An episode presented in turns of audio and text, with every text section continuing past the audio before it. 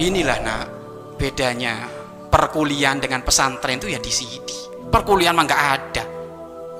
Perkuliahan mah bebas. Mau tidur nggak apa-apa sama dosennya. Mau tidur.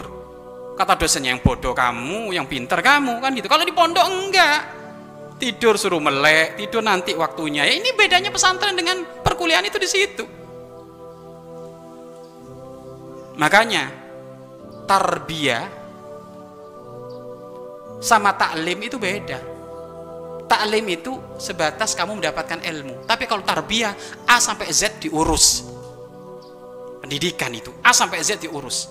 Bukan hanya urusan di dalam kelas sehari-harimu bagaimana? Sampai jadi orang hebat. Hebat berakhlak mulia. Ya? Makanya seperti cita-cita guru kita Buya Buya itu ingin anak-anaknya ini bukan hanya hebat dalam urusan ilmu tapi juga hebat dalam urusan akh akhlak tata krama.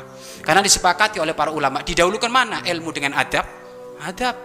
Akhlak. Hmm? kalau seumur didahulukan ilmu iblis itu orang yang pertama kali mendapatkan gelar orang hebat. Tapi kenapa iblis menjadi ahli neraka? Kurang adab kurang ajar sama Allah. Nggak nurut nggak patuh. Suruh sujud perintahnya Allah sujud kepada Nabi Adam Ya Allah masa suruh sujud Nabi Adam gak level ya Allah? Nabi Adam dari tanah kita kan dari api. Loh nah ini. Eh? ini bedanya pesantren dengan perkuliahan. Tetapi Masya Allah banyak anak-anak mahasiswa juga dia adalah nyamar santri jadi mahasiswa. Wow akhlaknya adab itu. Tapi seribu satu.